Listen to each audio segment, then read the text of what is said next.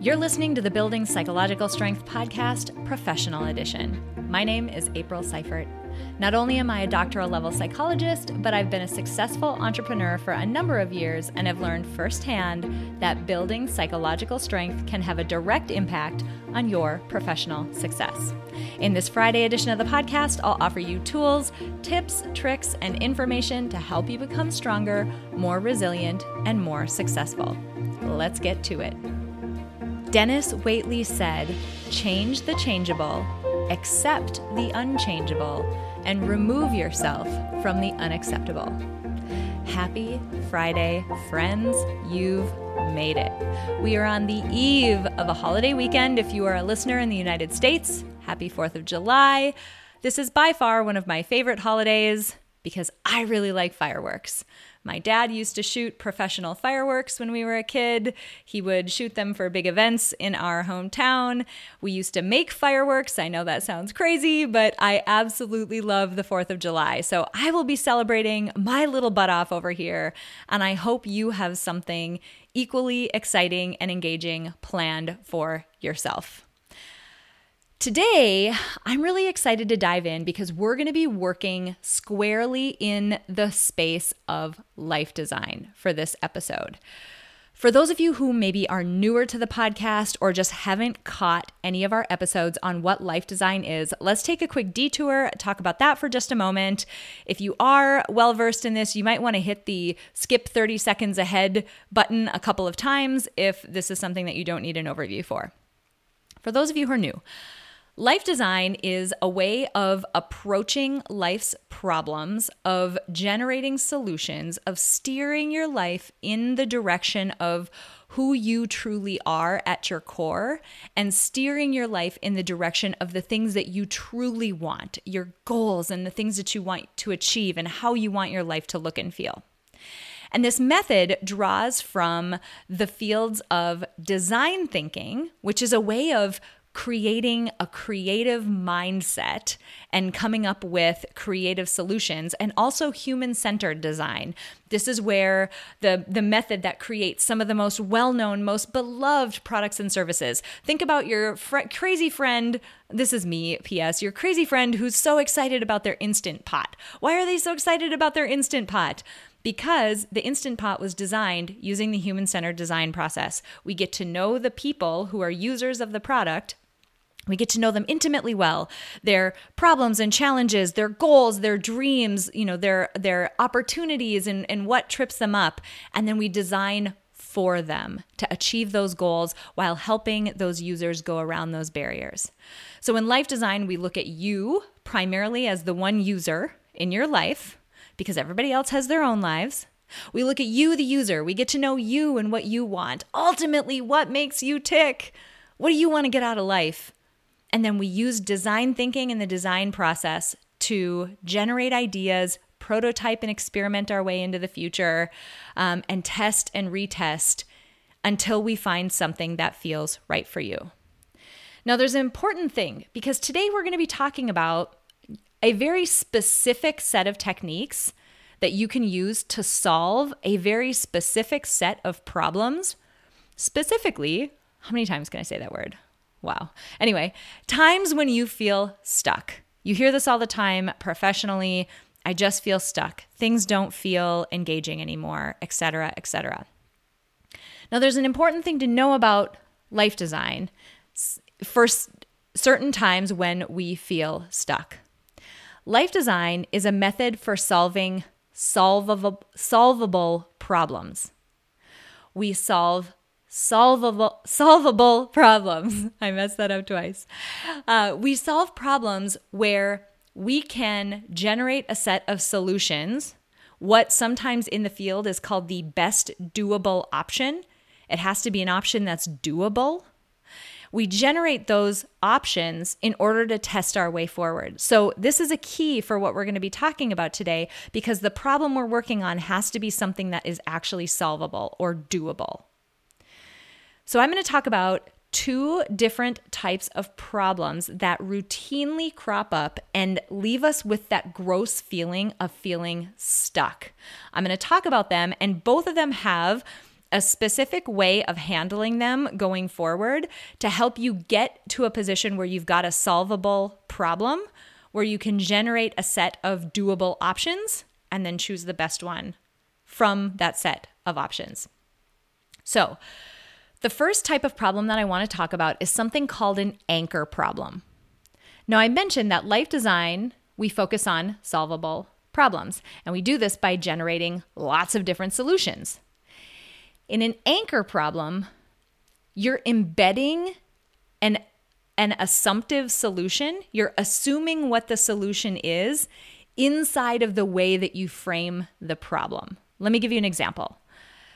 Let's say you're unhappy at your job, and the way that you are framing the problem or the way that you are stating what the problem is is this How can I get a raise at my company during a time when we're cutting back on expenses. Now, here's where assumptions come in, and this is why this is an anchor problem. What you're doing with that problem statement, how can I get a raise during a time in my company when we're cutting back? What you're doing is you're assuming that the raise is what's going to make you happy. You've what you're really saying is I want to be happy at my company and you've anchored the solution of getting a raise inside the problem definition. We don't do this in life design because ultimately what our goal is is to frame up the problem, state it as clearly as we can, and then generate lots of solutions to the problem. But when you assume the solution and embed it inside the problem statement, it immediately closes you down to alternate solutions. So, the technique that I would encourage you to use in situations like this is something called a why ladder, W H Y, not just the letter Y, a why ladder. And here our goal is to get to a definition of what the real problem is. Sort of like, hey, hey, what's going on? What's the problem? Okay, now what's the real problem? Like, what's the real thing that's driving you? And so when you use this why ladder, what you might find is that the source of your unhappiness, it might be just a lack of interesting projects or engagement. You don't feel engaged anymore. Or maybe it's a lack of, better yet, even more relevant to the example or the problem statement that I gave, the anchor problem that I gave. Maybe it's a lack of appreciation or acknowledgement for your work. And it could be something else, right? But what you're assuming by framing the problem up as how can I get a raise when times are, you know, really tight and lean in my company? You're assuming is that the raise is the way to make you happy. You've already assumed that there is one and only one path forward and that this is the best one, it's the money. So instead, after you've done this why ladder, let's assume that what we came up with is is I want to be more acknowledged, right? Money is an acknowledgement of the value that we are providing. I need more acknowledgement in order to be happy for now in my company. That's important and that's going to be another topic for another episode is happy for now. We're not trying to design up through retirement at this point. We're just saying for now, what do I need to be happy? I need more acknowledgement for my work. So instead of framing the problem around getting a raise, you frame it as a problem statement that doesn't have the solution embedded in it. How might I get more acknowledgement for the contribution that I'm making at my company? There's no solution embedded in it. It's now a solvable problem that we can iterate on. And the solve here is that, you know, the why problem gets at the real problem at hand. It leaves us open to determining a bunch of different paths forward, so a bunch of different doable options. And then we narrow that down to the best doable option we can think of. So maybe it is asking for feedback on some of your best work or soliciting a 360 from people around you, indicating to your boss how important it is that they you know acknowledge the work you're doing or being more vocal about the work that you're doing it could be any of those and, and, even more, right? But the pro- the point is we are framing up the problem as something that can be solved. So that's the first problem. Those are called anchor problems. The second, second problem that I want to talk about is called a gravity problem. Gravity problems are, by their very nature, circumstances. They are facts of life. They are the way things are and they are not actually problems that can be solved. So say you want you say something like, "I want to be a vice president at this company that I've had my eye on, but they only promote from within. They don't promote outside." Think about what you're doing. I'm going to give the analogy that I always give and and and I don't mean this to be a joke, but legit. Let's say you're standing in your neighborhood and you see your neighbor run outside and they look up at the sky and they just start shrieking and screaming in the morning, right? They're standing in the middle of their lawn and they're just losing their mind and they're staring at the sky. And you go over there and you're like, Bill, what's up? Are you okay? He's like, I'm so sick of the sun. I'm just going to stand out here and I'm going to shriek at the sun because the sun came up today. Is anything going to happen as a result of that? Is that a solvable problem that Bill has? No. I like to frame up gravity problems as you are basically screaming at the sun for coming up. It is a set of circumstances that are entirely outside of your control, and you're spending your focus and effort yelling at this problem that you can't actually fix.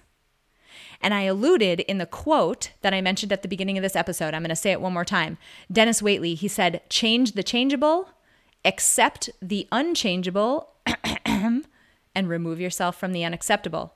The first thing we're going to do, we're going to use the same why ladder technique, and I'll, I'll drill into that in a second. But before you can do that, you need to get really clear on the circumstances that you're pointing at that are outside of your control. And for better or worse, know this is not easy, know this does not feel good, but you need to accept those circumstances. It doesn't mean you agree with them. You may vehemently disagree with them. But are they your circumstances for right now? Yes, they are. They are the constraints inside the context that you are working in. And in order for you to figure out the best doable option moving forward, this implies, right, we're going to make some motion.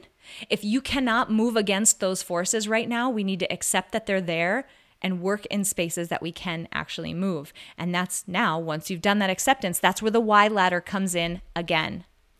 Why do you want a VP role? Why is it at that company? Why is that important to you? What is it that you're actually seeking? And same situation, reframe that problem into a problem statement that is solvable, and then turn that into a how might we question. How might I achieve that true root cause that I'm after? Let me generate a series of doable options and pick the best one that I can start working on right now.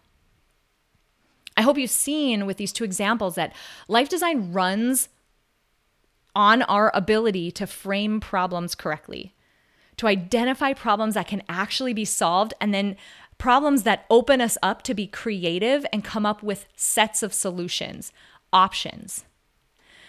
I love these techniques. I absolutely love the field of life design because it allows us to look realistically at our circumstances. I'm not telling you to put rose colored glasses on and ignore the circumstances and the real pressures and dependencies that are in your current situation. Absolutely not. It is a realistic acceptance of where you're at, but then a creative and design endeavor to move forward and prototype and experiment your way into the future. Ah, I'm so excited. If you guys are at all excited about this, a bunch of the stuff that I just talked about is actually part of this book called Designing Your Work Life. It's by Bill Burnett and Dave Evans. They are the guys out of Stanford that run the Life Design Lab uh, at Stanford University. They also wrote a book called Designing Your Life that is just phenomenal. But this is one of their more recent books, Designing Your Work Life. And they talk extensively about anchor problems and gravity problems in that book. So if you want more, I would definitely check that out. If you are at a point where you're dissatisfied with your job, before you quit, go get this book. They give some incredible reasons why it's worth it to try to design your way to a better situation while you stay in your current job before you jump ship to something else. So I would highly encourage you to check that book out. It is so powerful. They give you such great techniques. Um, and check out their other book as well, Designing Your Life. They actually have a new workbook that came out with it. So you can actually follow along in this amazing workbook. I'll link to all of those resources in the show notes description below. But I had to talk about this today because it's something that I'm hearing a lot of people saying, especially as the pandemic is ending. I'm feeling stuck. I don't want know what my next direction is going to be. I need some help. And the life design process can definitely help you in these situations. Thank you so much for joining me for this professional edition of the Building Psych Strength podcast. If you're an entrepreneur or a business professional and you're interested in becoming more successful, hit the subscribe button. And until next week, be strong, be resilient, and be successful. Bye, friends.